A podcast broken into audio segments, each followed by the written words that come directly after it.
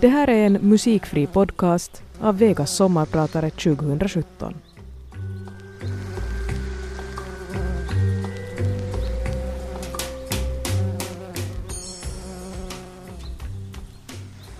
Varför stänger de fönstren?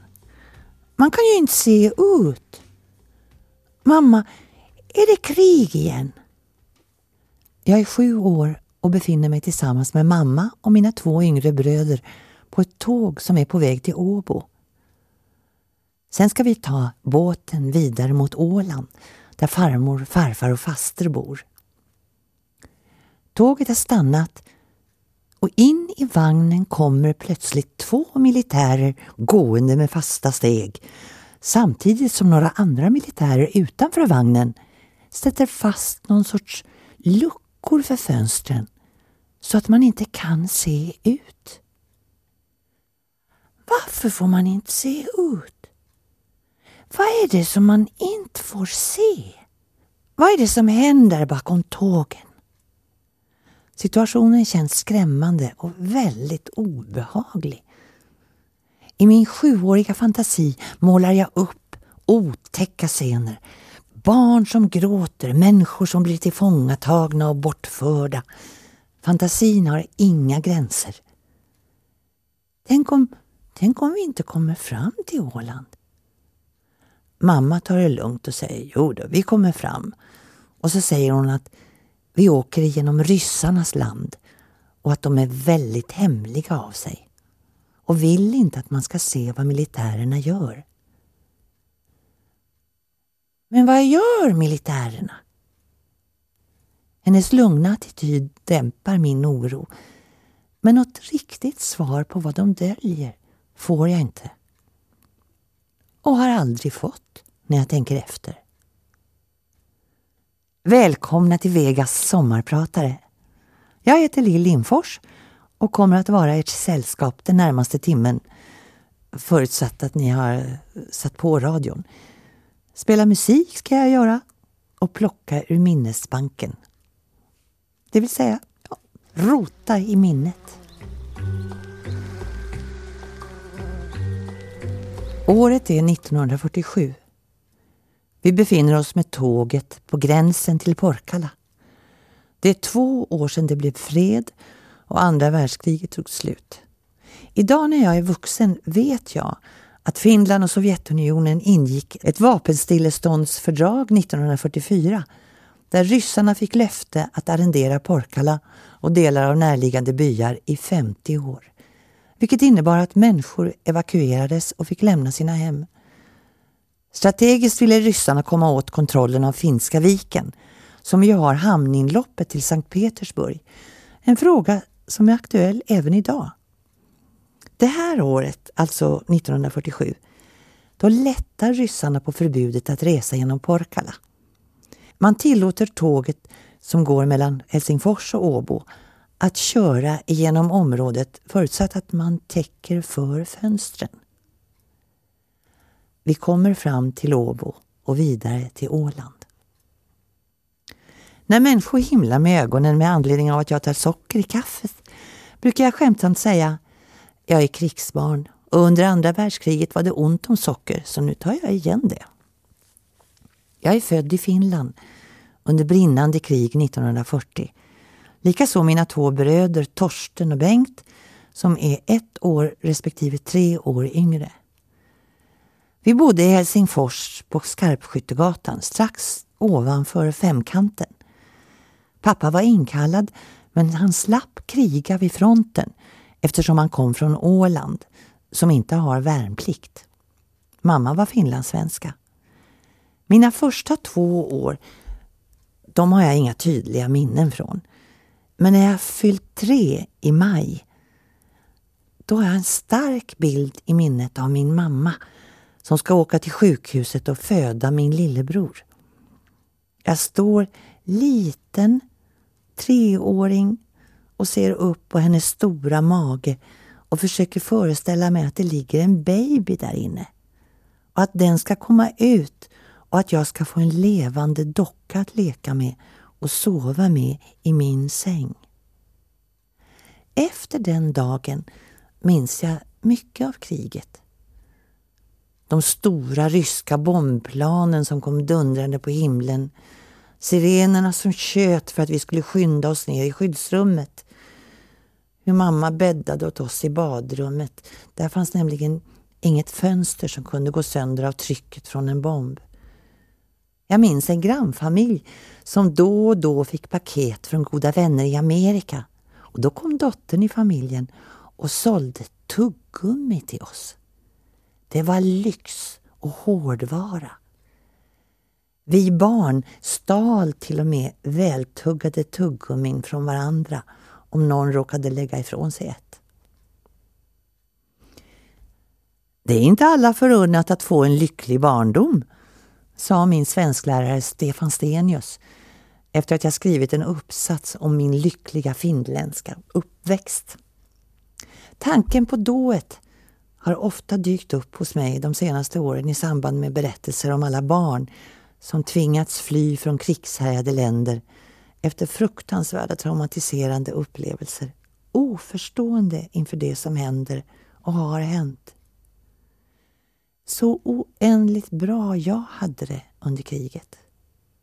För trots oroliga och ibland mycket skrämmande tider kände jag ändå att jag fick en harmonisk barndom med en stark känsla av tillit till att mina föräldrar skulle skydda oss vad som än hände. Att som barn få känna att vuxenvärlden tar ett kärleksfullt ansvar. Det är det som kan leda till att man blir en trygg och självständig människa. Jag hyser verkligen stor tacksamhet till mina nynnande föräldrar. Ja, just nynnande. Jag ska förklara. Båda mina föräldrar var musikaliska. Mamma spelade piano och pappa luta.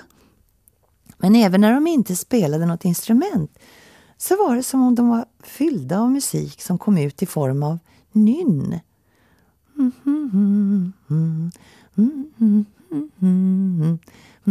Ofta omedvetet. I synnerhet pappa. Han var en gladlynt, humoristisk man och hans glädje liksom porlade ut i nynnet.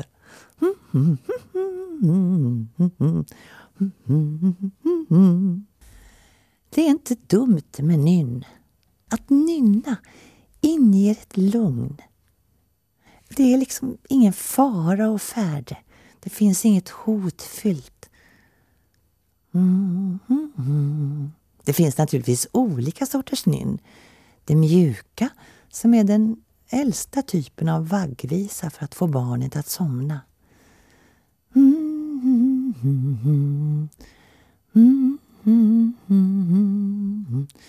Sen har vi det eftertänksamma.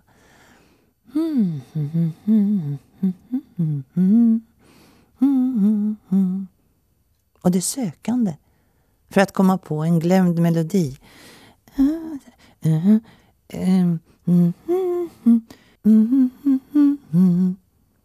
Och det glädjefyllda som ackompanjerar fina, härliga inre tankar och bilder. En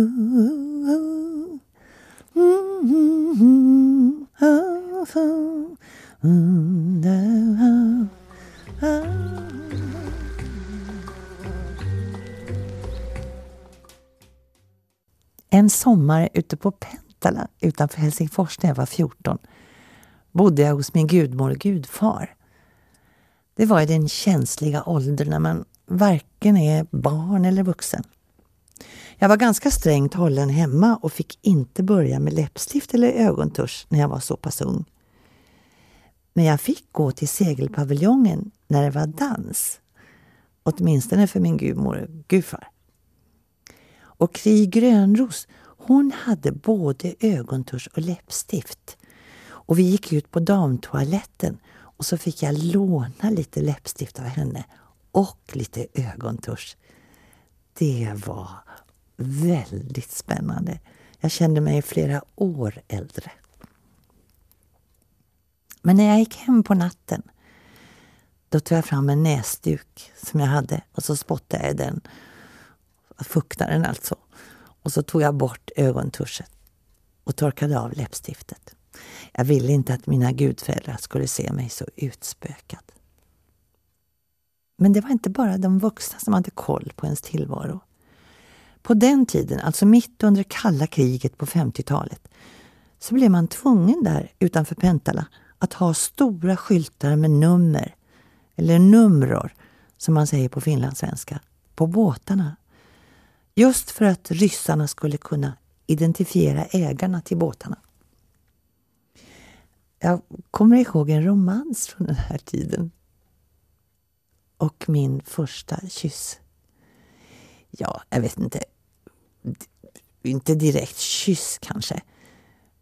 Men man kan väl säga att det var en lång puss. Som romantiskt nog skedde under trumpetsolot i Satchmos Kiss of Fire.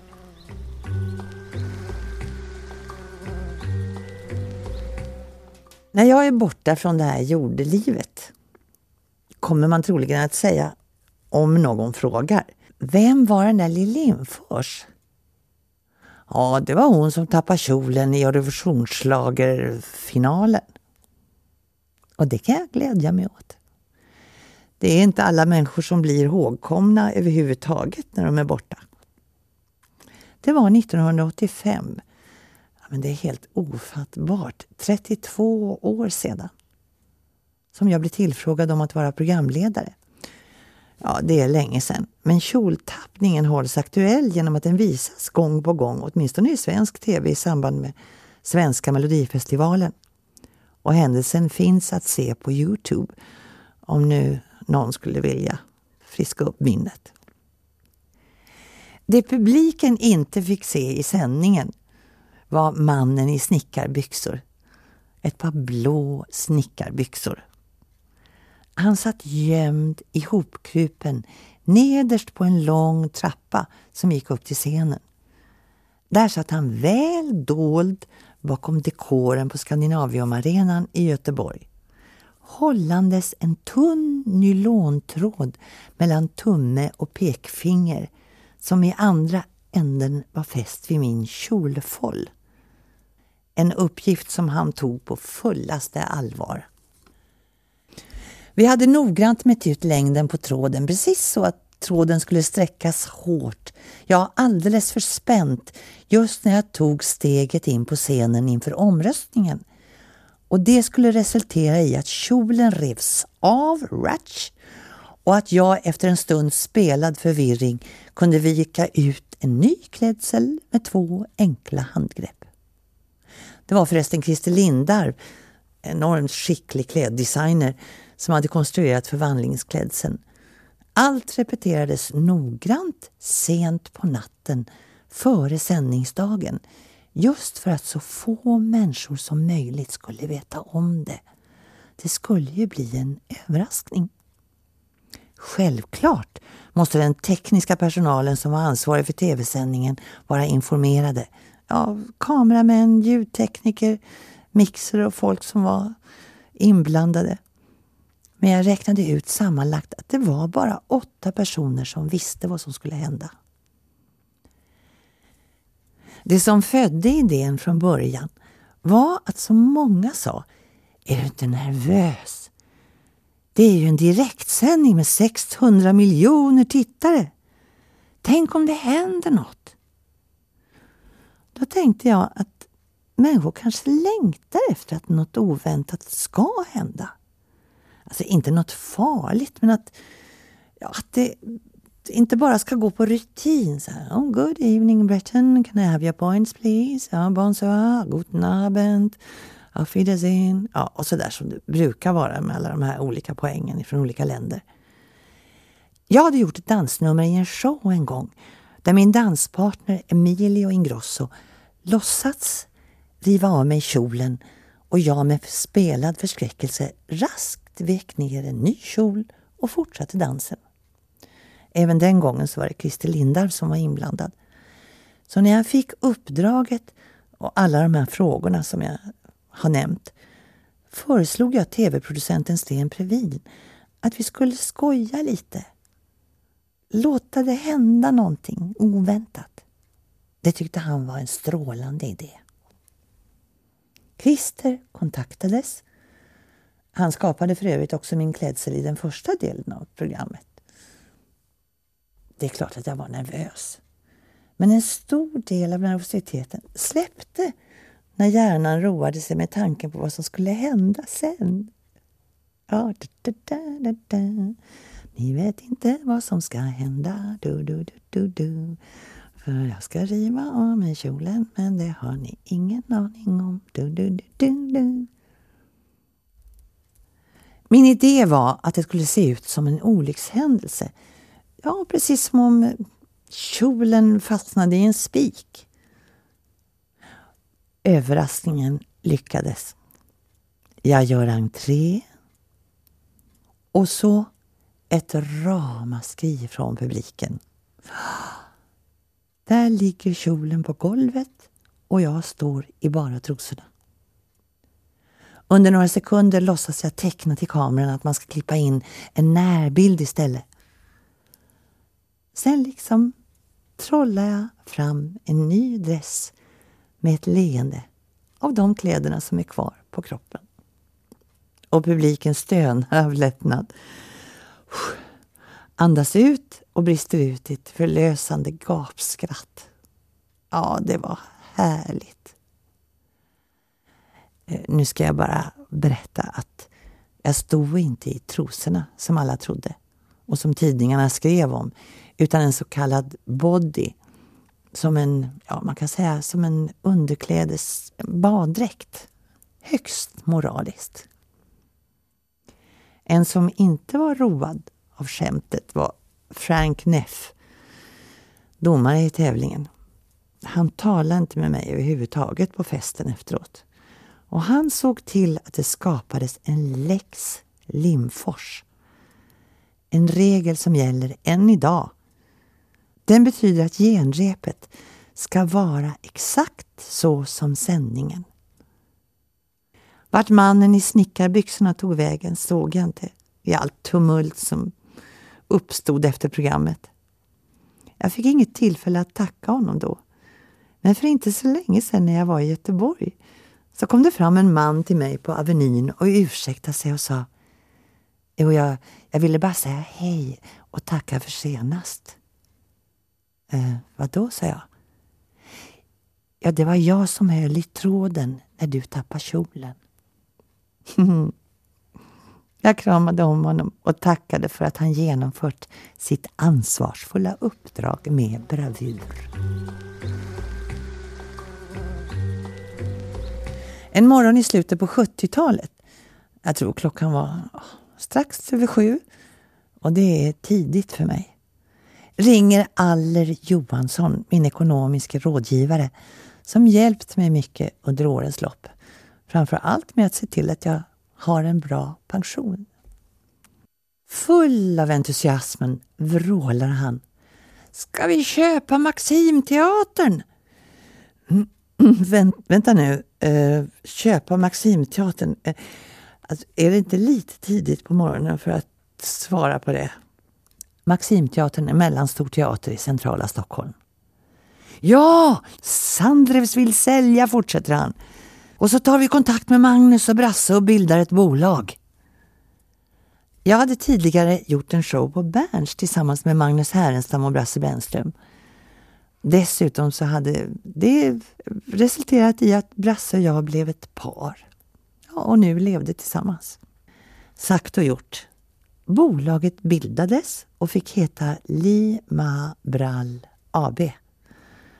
Och det kan ju vem som helst räkna ut att namnet bygger på våra förnamn. Lill, Magnus, Brasse, Aller, Lima Brall. Brasse påpekade att folk kunde tro att namnet stod för ett peruanskt byxföretag, Lima-brallor. Vi beslöt oss för att sätta upp musikalen Sugar som byggde på filmen I hetaste laget. Ja, ni vet. Den med Marilyn Monroe, Jack Lemmon och Tony Curtis. Perfekt rollbesättning för oss tre. Magnus, Brasse och jag i huvudrollerna. Vi hade en lång och animerad namndiskussion om huruvida den skulle heta Sugar, som i den amerikanska musikalversionen, eller i hetaste laget som filmen. Vi kom fram till namnet Sugar. Sugar vet ju alla vad det betyder. Alice Babs hade ju sjungit in en sång som hette Sugar in the morning, sugar in the evening, sugar varenda dag. Tänk så mycket sugar det finns i USA. Helt så etablerat som vi trodde var inte ordet. Det var många människor som efter premiären ringde till biljettkassan och ville beställa biljetter till Sugar med Lill, Magnus och Brasse. Kanske berodde det på att ja, det finns ett svenskt uttryck som heter tappa sugen.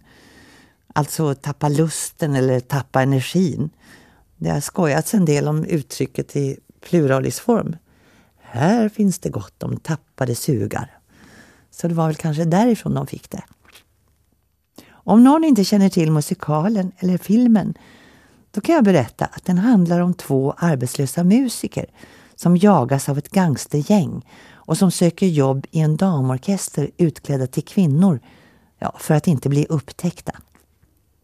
Men situationen blir komplicerad när en av dem blir förälskad i orkesterns vokalist Sugar Cane och en miljonär förälskar sig i en av musikerna utklädd till kvinna. Inte alldeles lätt att reda ut. Jag fick rollen som Sugar Cane, vokalisten. Någon idealisk roll för mig tyckte jag inte riktigt att det var. Förebilden Marilyn Monroe var ju rätt olik mig. Jag lång och reslig. Hon kort och blond och, ja om jag får säga det, i alla fall i rollen lite aningslös. Men jag tog mig an den skådespelarmässiga utmaningen med glädje.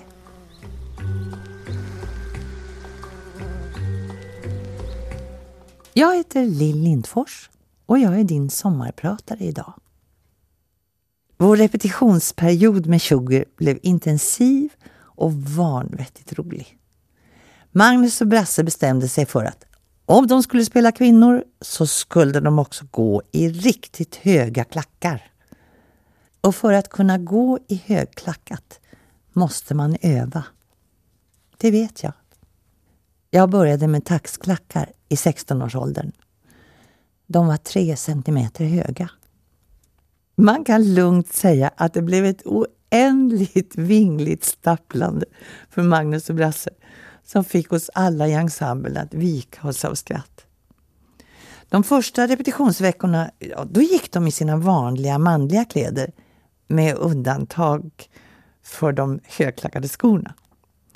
Men när premiären närmar sig blev det ju också kostymrep. Och det innebar att de fick på sig kvinnokläder, peruker, läppstift och rouge. Det kan jag säga, det stärkte komiken betydligt. Det blev ofta svårt att hålla masken i scener där det var tänkt att vi skulle vara allvarliga. Tänk att det är så dråpligt roligt att se män i kvinnokläder. Omvänt är det inte alls lika kul. Sugar blev en stor succé och spelades sammanlagt 442 gånger i två år för fulla hus. Efter sista föreställningen, när Magnus fyllde 50, höll jag ett hyllningstal och berättade att jag räknat ut att vi sammanlagt under sugarperioden hade kyssts 897 gånger. Jag avslutade talet med att överräcka en berlock, en avgjutning av mina läppar i silver. Ja, inte direkt i den storleken, men lite mindre. För att i framtiden påminna honom om våra kyssar. Men framför allt om alla glada skratten. Företaget Lima Brall finns inte kvar längre. Och av oss finns bara Li kvar.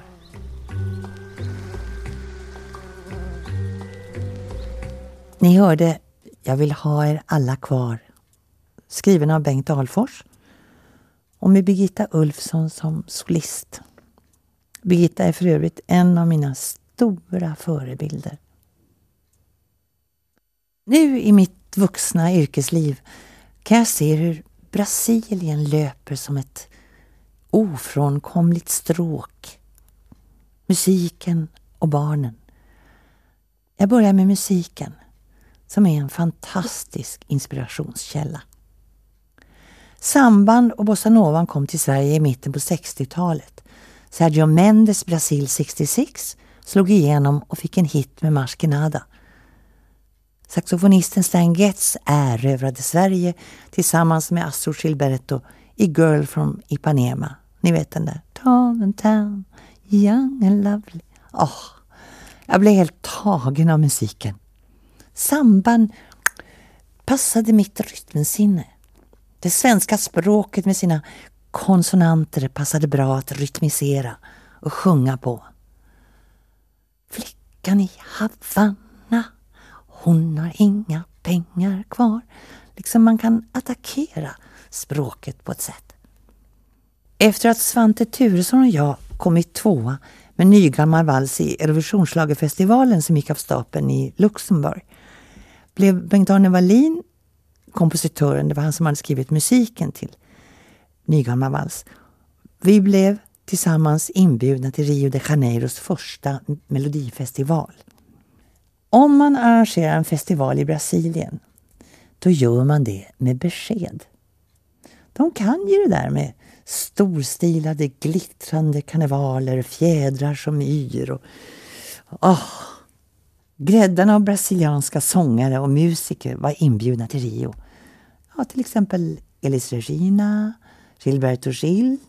Han blev förresten sedermera kulturminister. Baden Powell, fantastisk gitarrist. Inbjudna var också flera stora utländska gäster. Till exempel Henry Mancini som har skrivit mycket filmmusik. Ja, ni vet det Moon River. Och temat till Ah, ni ska få gissa först. Dun, dun, dun.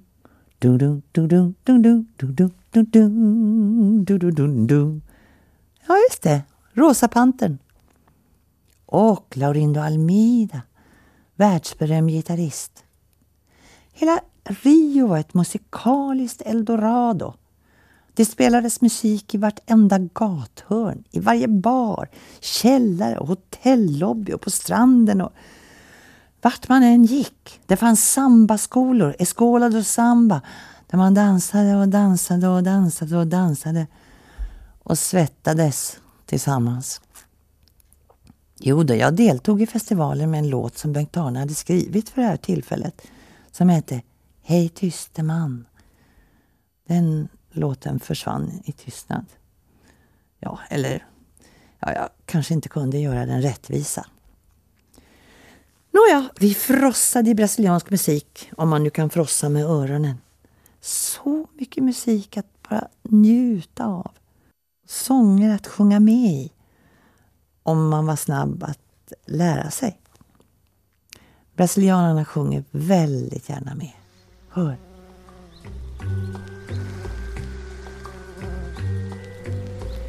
Under veckan i Rio blev vi också inbjudna till en fest i en stor elegant lyxvilla med swimmingpool i olympiadstorlek.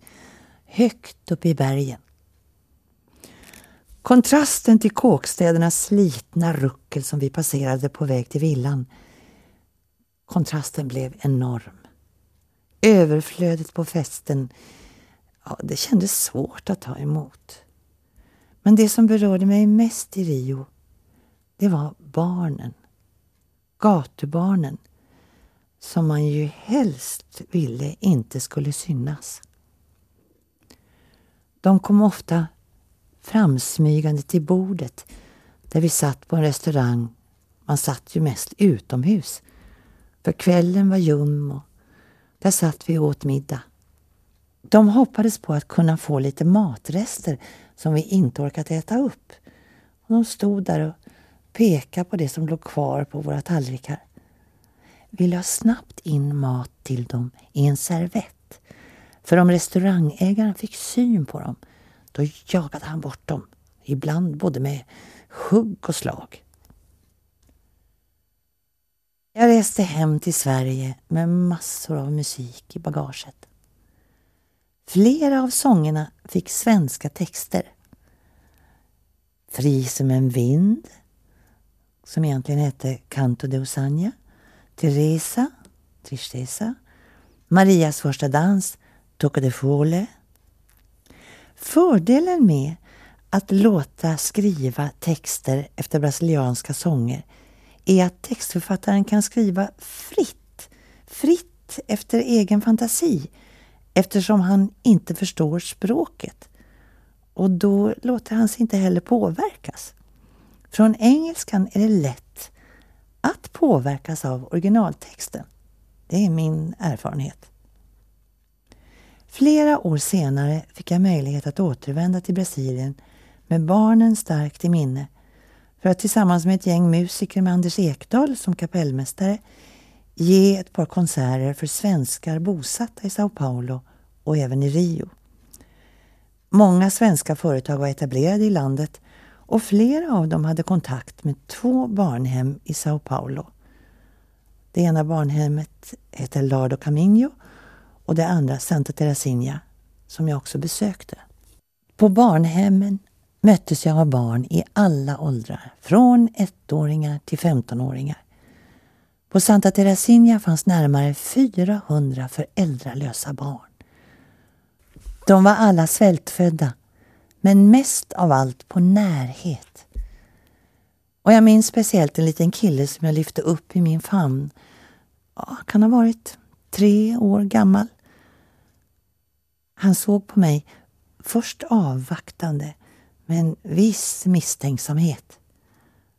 Och sen verkade det som om han bestämde sig. Hon är okej. Okay.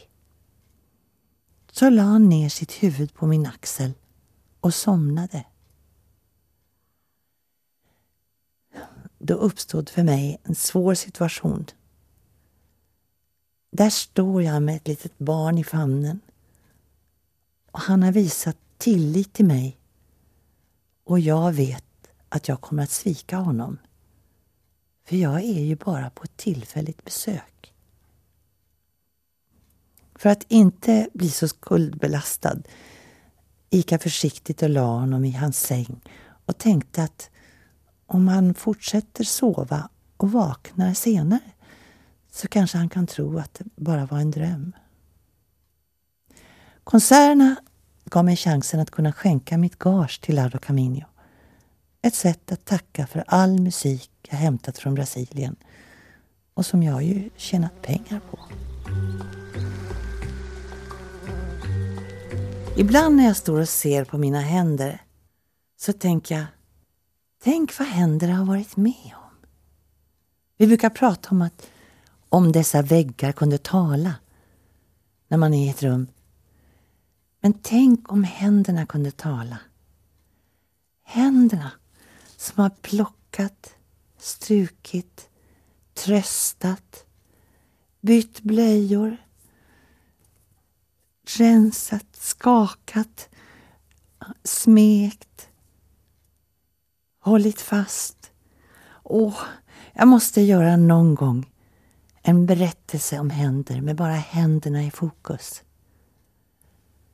För händerna har varit med i ett helt liv.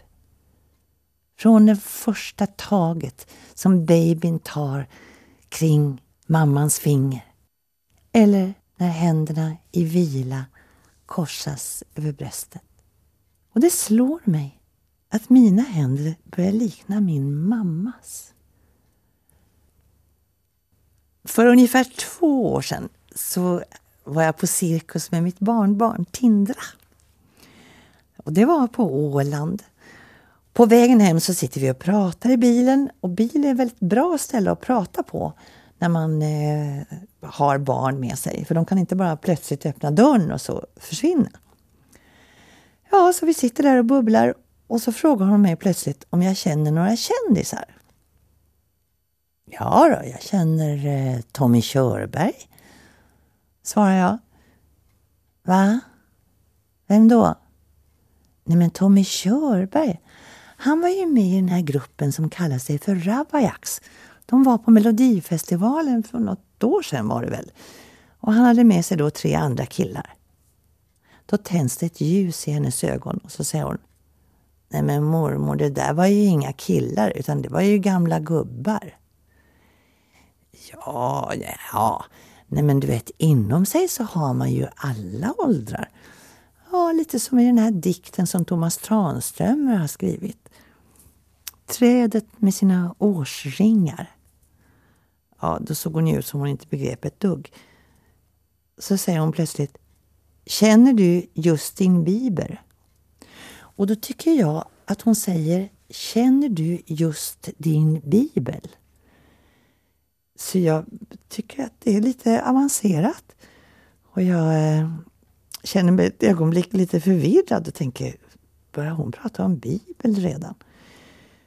Eh, ja, eh, jag vet inte riktigt vad jag ska säga. Jag har ju läst Bibeln. Jag kanske inte har läst eh, allt i Bibeln, men jag har ju spelat in eh, en skiva med tonsättningar av Höga Visan och ja, mång, många delar av Bibeln har jag, har jag läst.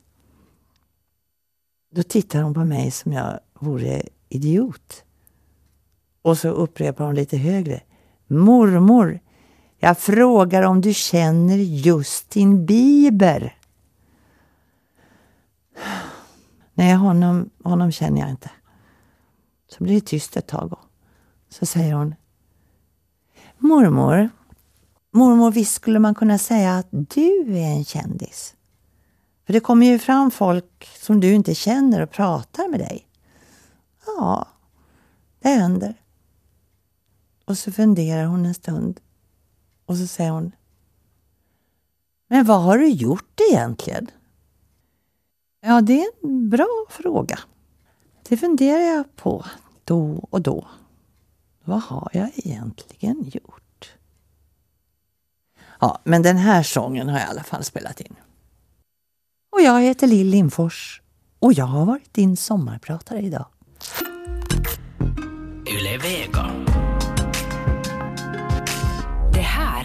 Är Yle Vega.